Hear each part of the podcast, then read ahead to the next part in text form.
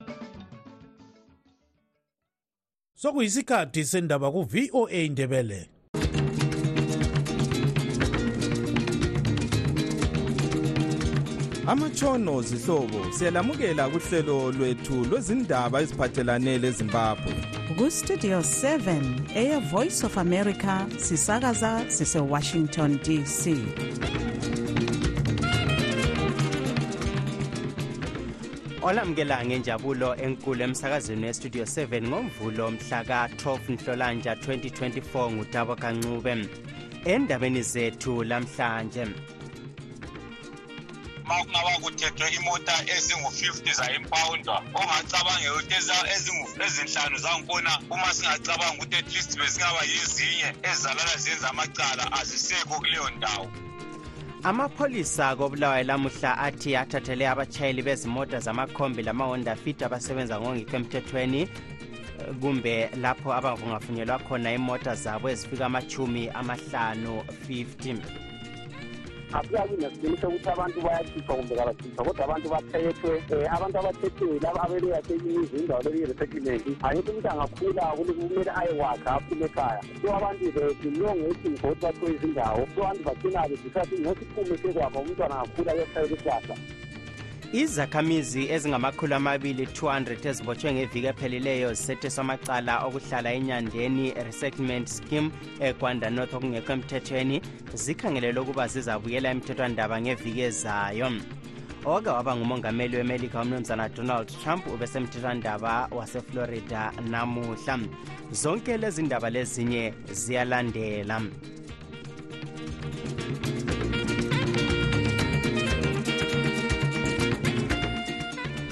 amapholisa kobulawayo namhla athi athathele abatshayeli bezimota zamakhombi lamahonda fit abasebenza ngongekho emthethweni kumbe lapho abangavunyelwa khona imota zabo ezifika amachumi amahlanu 50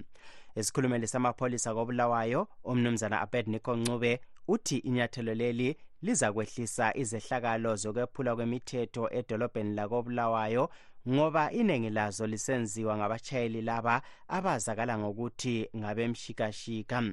mnumzana ncube utshele usithandekile mhlanga westudio 7 ukuthi basanda kubopha abantu abathathu abantshontshe inkomo besebenzisa imshikashika le ukuthwala inyama yazo siyahlala senza nje ama-operations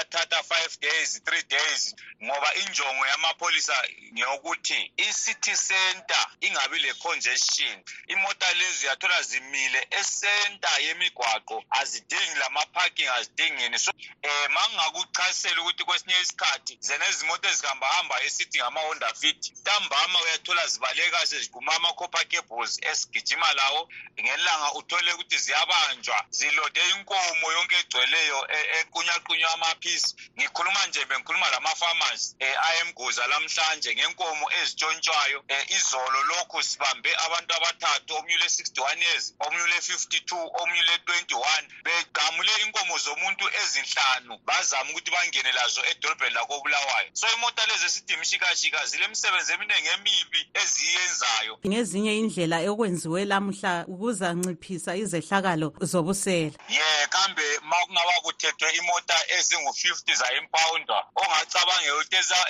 ezinhlanu zangkhona uma singacabanga ukuthi at least bezingaba yezinye ezizalala zenza amacala azisekho kuleyo ndawo lakho kulakho ukunciphisa kodwa into enciphisa kakhulu yikuthi uzulu abambisane lamapholisi ukulwisana lamacala only if kule-change of mindset ebantwini bakithi bengakhangeleli ukuthi imithetho yonke e, e, ekhulunywa izobahlukumeza kodwa bakhangelele ukuthi lakho kuyenza ukuthi baphephe ngoba silabomama abaningi asebadlengulwayo yizo zona lezi mota futhi abanye sebathathelwa izimali yizo zona lezi mota uthola ukuthi ezinye zakhona ama-number plates ziyabazingela umuntu ohamba ngemota ekwazi ukuthi kahlosanga ukuyawona ngeke akhiphe i-number plate emoteni yakhe ungabaxwayisa uthini abantu ngalolu daba langokunye okuphula imithetho okuqakathekileyo ebantwini ma sisekuhlaleni yikugcina umthetho inkampani ayikusindawo asisebenzeni ndawonye lamapholisa ahlose ukuthi agcine ukuthula esigabeni and kuhle kangakanani ukuthi loba kuyisihambi loba nguwe mhlalo wakobulawayo ungena ecity center uyithole nje indawo yokuphaka imota kungela mota kumbe emgwaqweni uyenelise ukuthi udlule emgwaqweni uhambe kuhle ungala moto ezimileyo isenta yomgwaqo ezinye ziyalayitsha omunye ubuye wacitsha imota isenta yomgwaqo sokungazathi nje indawo njengala mthetho kuhle ilizwe kumbe idolobho njengebulawayo omuhle kangaka kuhle maye labantu abagcina umthetho ama abatshayeli abaningi baqina ukulandela imithetho yomgwaqo belo-instructor kumbe u-examine ev i d engavela athole nje isitikitana esiyimvumo yokuthi atshayele imota kusenza umathanda sekubeka katshani yayo ikhodi vele kabasayibambi bayakhatha amakhona bayangena ama-road robot bayaphaka esenta yonke into nje ebebeyivika bese-v i d yiyo abasebeyenza kodwa abantu asibaleni amabhuku siwazini umthetho sisebenzeleni kuhle la mapholisa konke kuzasilungela ngiyabonga lo ngumnumzana abedniko ncube isikhulumeli samapholisa edolobheni lakobulawayo obexoxa ecingweni losithandekile mhlanga westudio 7 ekhonale kobulawayo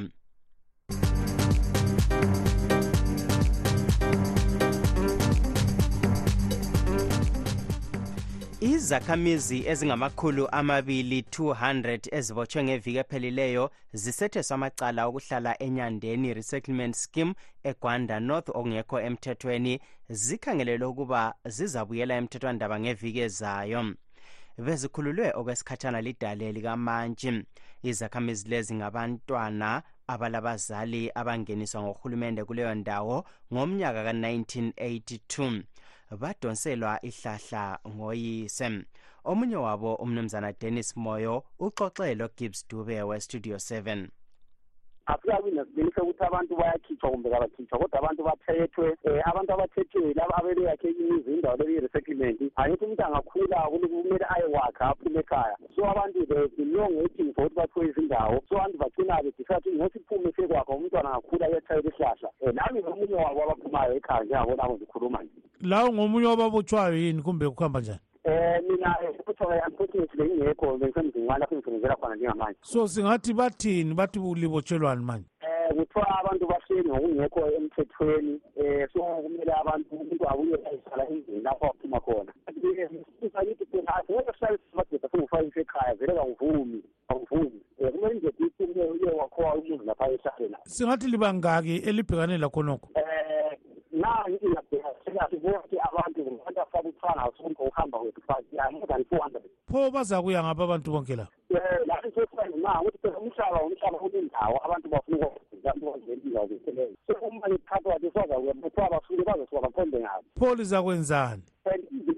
um thina sizimisele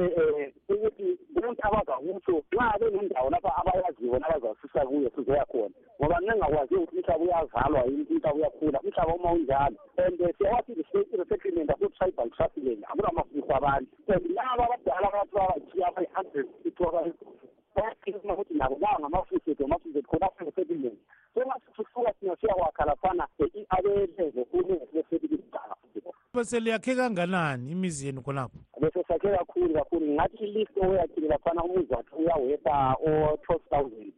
manje imali lizayiphiwa nxa sekudilizwe khonokho angiboni isimo sakho imali abantu abangayiphiwa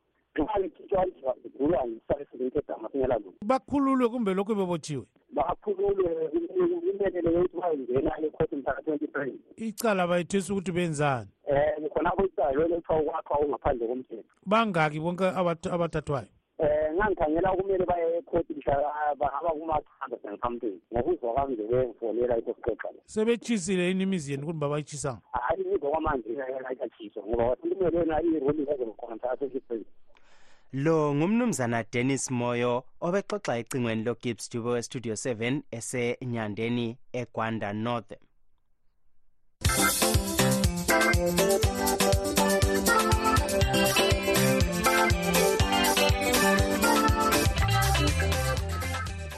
amagqwetha kamnumzana job sikhala owatholakala elecala lokuloba amanga enkundleni yefacebook asecele umthethwandaba ukuba uqale udinge ulwazi edalele high court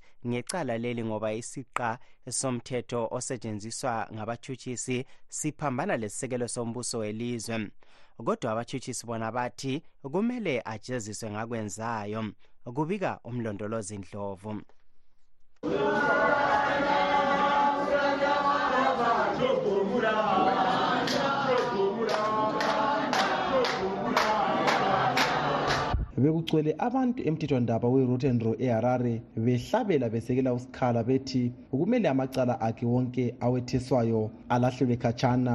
abatshutshisi bakahulumende bebeqonqosela ukuba umthethwandaba wethule isigwebo esilukhuni besithi indlela aloba ngayo enkundleni yefacebook yangcolisa isithunzi selizwe kodwa amagqwetha kasikhala athi kwephulwa isisekelo sombuso welizwe okwenziwa ngabatshutshisi usikhala obesehlale umnyaka lengxenye esentolongweni utholakale lecala lokuloba amanga esithi kulomntwana owabulawa ngamapholisa esemhlane kanina usanda kugwetshwa iminyaka emibili ebekwe eceleni kulandela ukutholakala kwakhe elecala lokutshotshozela udlakela umtshutshisi kudaba lolu umnumzana anes chirenje utshele umthethwandaba ukuba usikhala kumele agwetshwe okuqinileyo ukuze uzulu afunde ukungaqambi amanga esebenzisa inkundla zokuxhumana igqwetha lakhe umnumzana harrison nkomo ufunge wemba phansi esithi umthetho usikhala atholakala elecala ngawo uphambana lesisekelo sombuso welizwe unkomo unikeze inkantolo umzekeliso wesinqumo esethulwa lidale le-high court ngesikhathi likhulula intatheli izindaba uwopho chingono idale lathi isigaba 31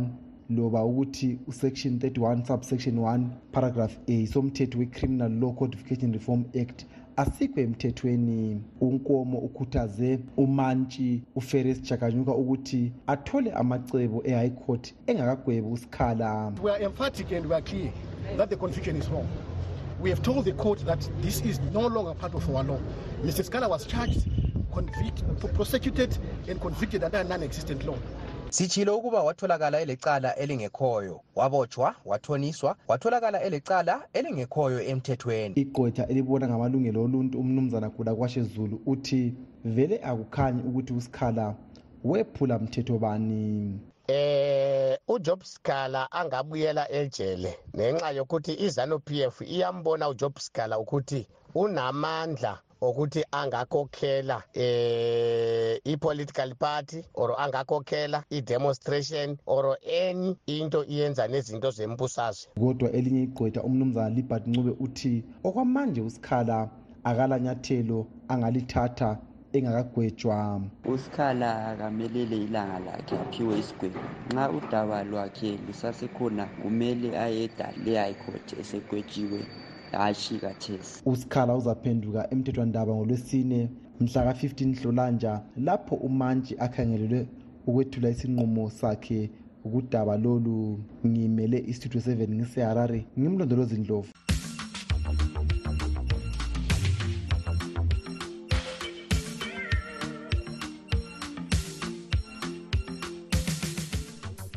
ukuthola usizo lokwelatshwa ezibhedlela kuqhubeka kuqhubeka kusiba nzima kuzizalwane zezimbabwe ezikwele botswana ikakhulu lezo ezingela maphepha okuhlala kumbe ukusebenza kulelo lizwe noma nje uhulumende esithi abagulayo loba abalimeleyo kumele baphathiswe kungakhathalekile ukuthi bavela kuliphi ilizwe intathelizindaba yestudio 7 umqondisi dube usipha lolu daba esehabron kwelebotswana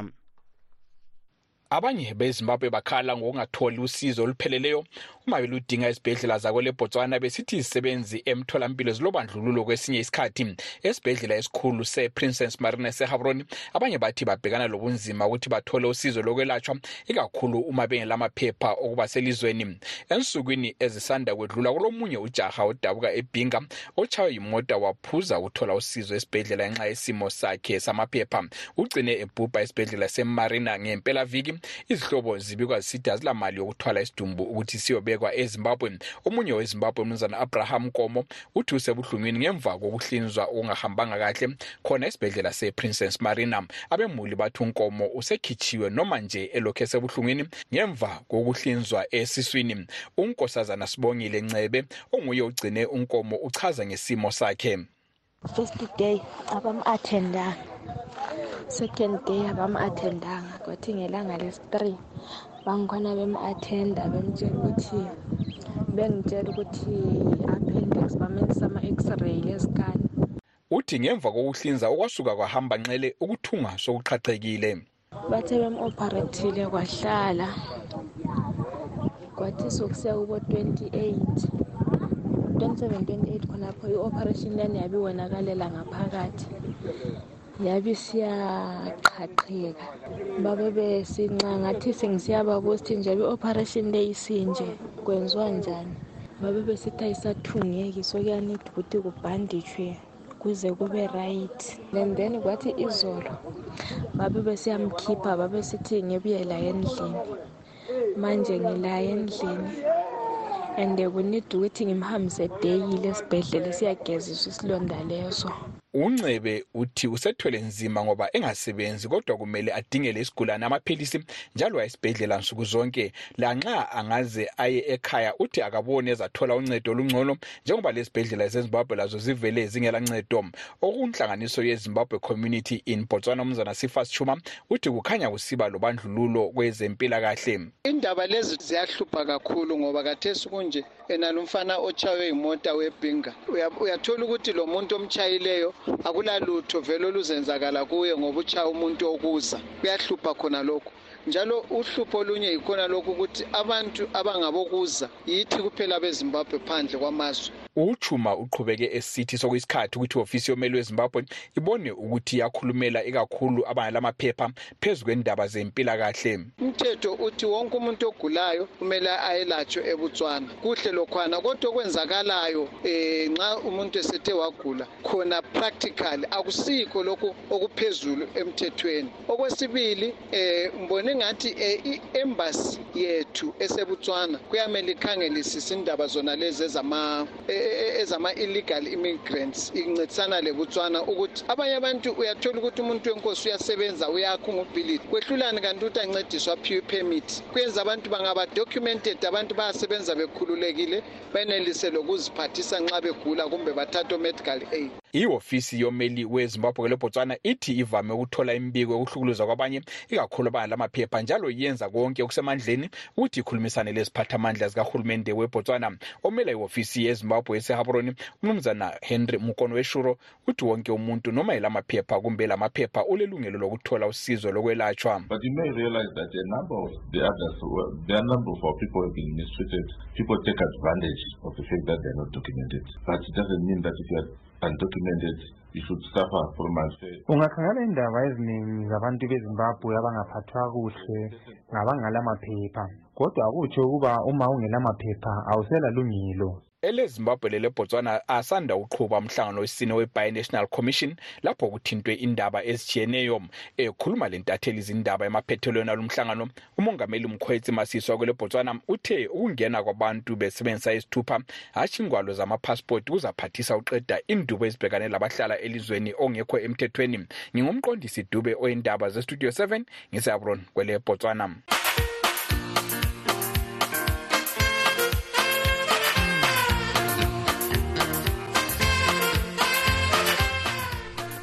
ingcwethi zezombusazwe zithi umongameli emerson mnangagwa udlalisa imali ngokuya emihlanganweni engalethi inguquko elizweni mnumzana mnangagwa usedubai lapha azangena umhlangano wamalanga amathathu owe-world government summit umhlangano lo ongenwa ngabakhokheli bamazwe angamachumi amabili lamahlanu 25 lenhlanganiso ezitshiyeneyo uhlose ukuthuthukisa ubukhokheli bakusasa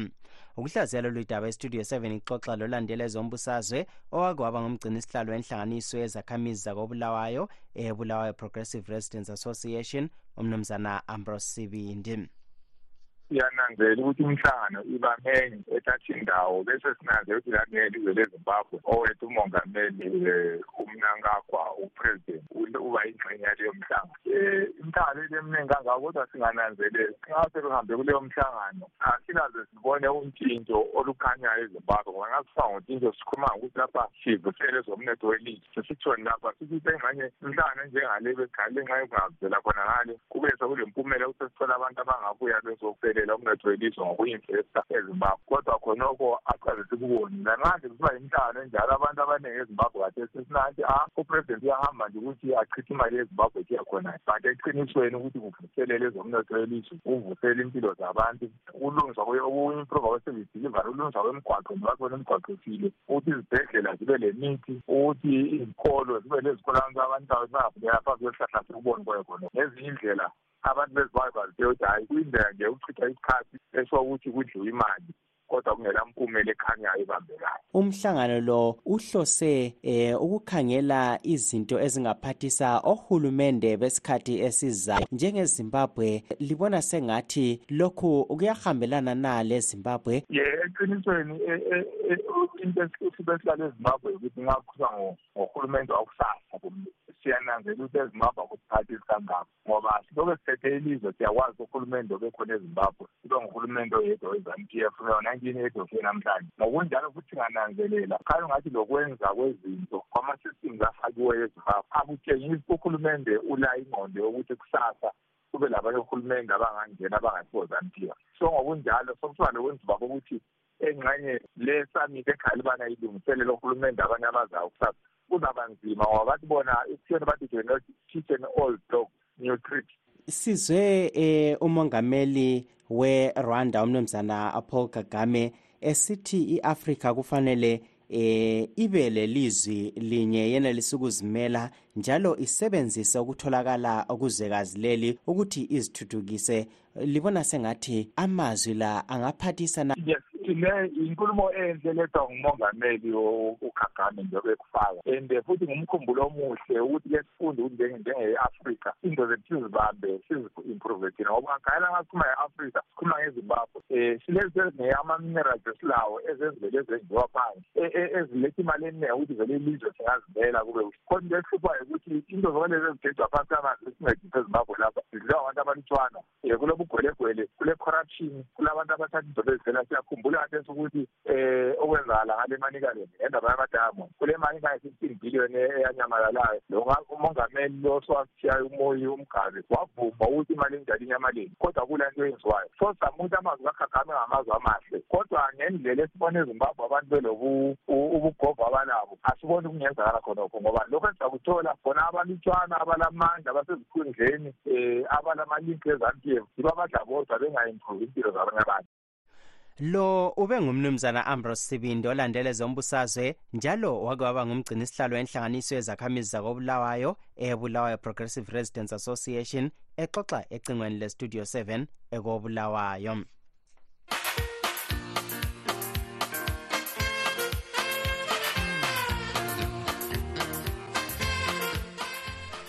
Namhlanje ugatsha lwezobudlelwano beMelika lamanye amazwe omhlaba kuhlangothi lweGlobal Engagement Center lwethule umbiko oveza ukwethulwa kwemibiko yamanga ngokuphathelane lohlelo oluqhutshwa ngeleRussia emazweni awezwekazi leAfrica le-african initiative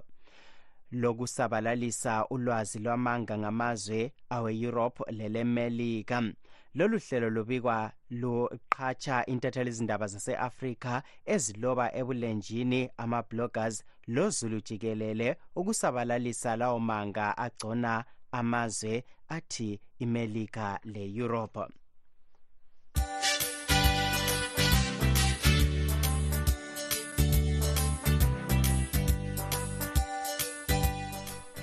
kweziphathelane lemelika owake waba ngumongameli walelo lizwe umnumzana donald trump ubesemthethwandaba waseflorida namuhla lapho amagqwetha akhe labatshutshisi akade bevezelana okuza kwethula emthethwandaba ngesikhathi ethoniswa icala lokugcina ingwalo zikahulumende eziyimfihlo emzini wakhe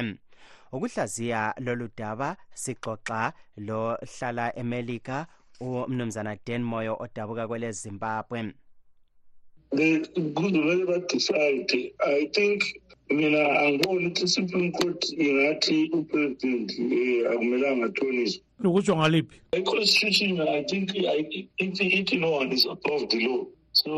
angazi ukuthi babe sebeinterpreta ngayiphi indlela iseparate upresident kodwa wena ngumbono wakho ubona ngani eh, bangacina besithi hhayi upresident kumele avikelwe ngoba ngesikhathi leso uyabe sehofisini sengenza akufunayo kodwa-ke phela sike siyeza umthetho ndaba sithi kabo president ngathi i-opposition ibulawe Yeah, I think ama-argument anjalo aqakathekile ngoba then where do you draw the line? Kumele kube le line phela ukuthi hayi president okuthize angeke akwenze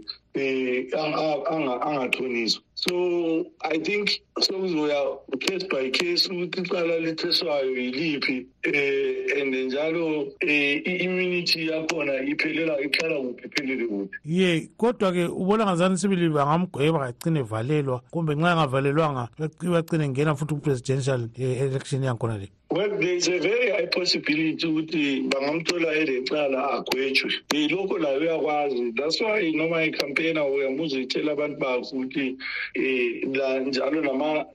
lama-survey abawenzayo bebuza abantu babo ukuthi um noma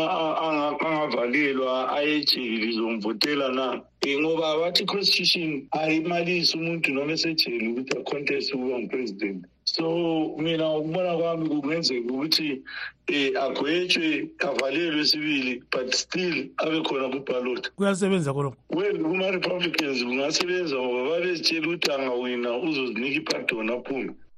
umnumzana dan moyo isizalwane sezimbabwe esihlala kwelemelika ubexoxa logibbs dube westudio 7 esevirginia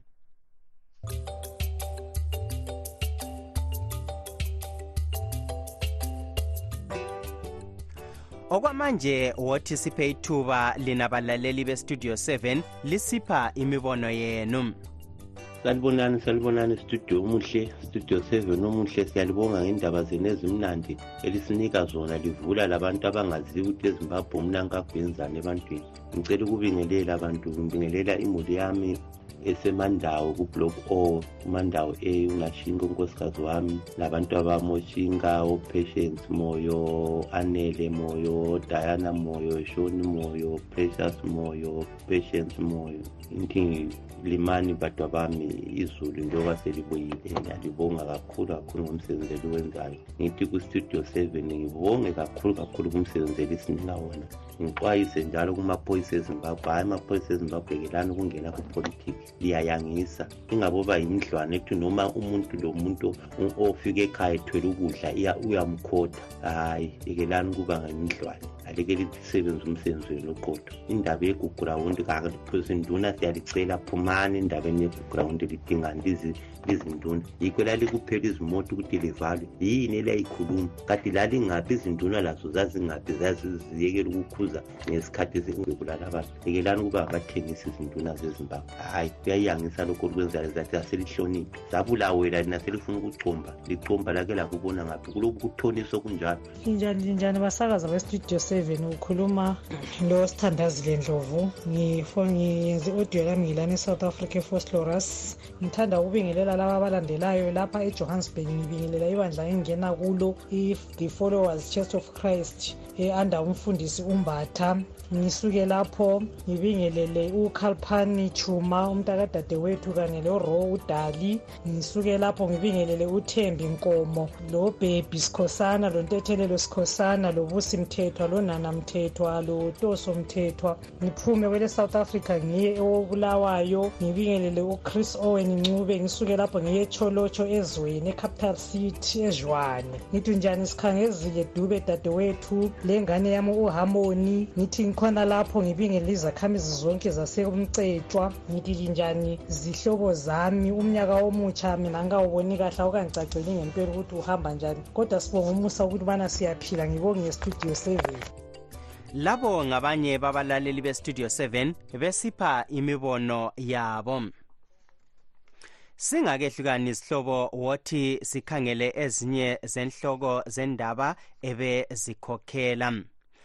amapholisa kobulawayo namuhla athi athathele abatshayeli bezimota zamakhombi lamahonda fit abasebenza ngongekho emthethweni kumbe lapho abangavunyelwa khona imota zabo ezifika amatshumi amahlanu 50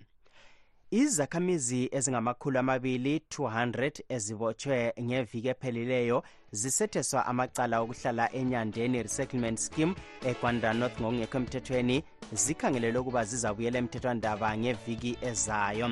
silugqiba-ke lapha uhlelo lwehlo namhlanje olivalelisayo ngutabo kancube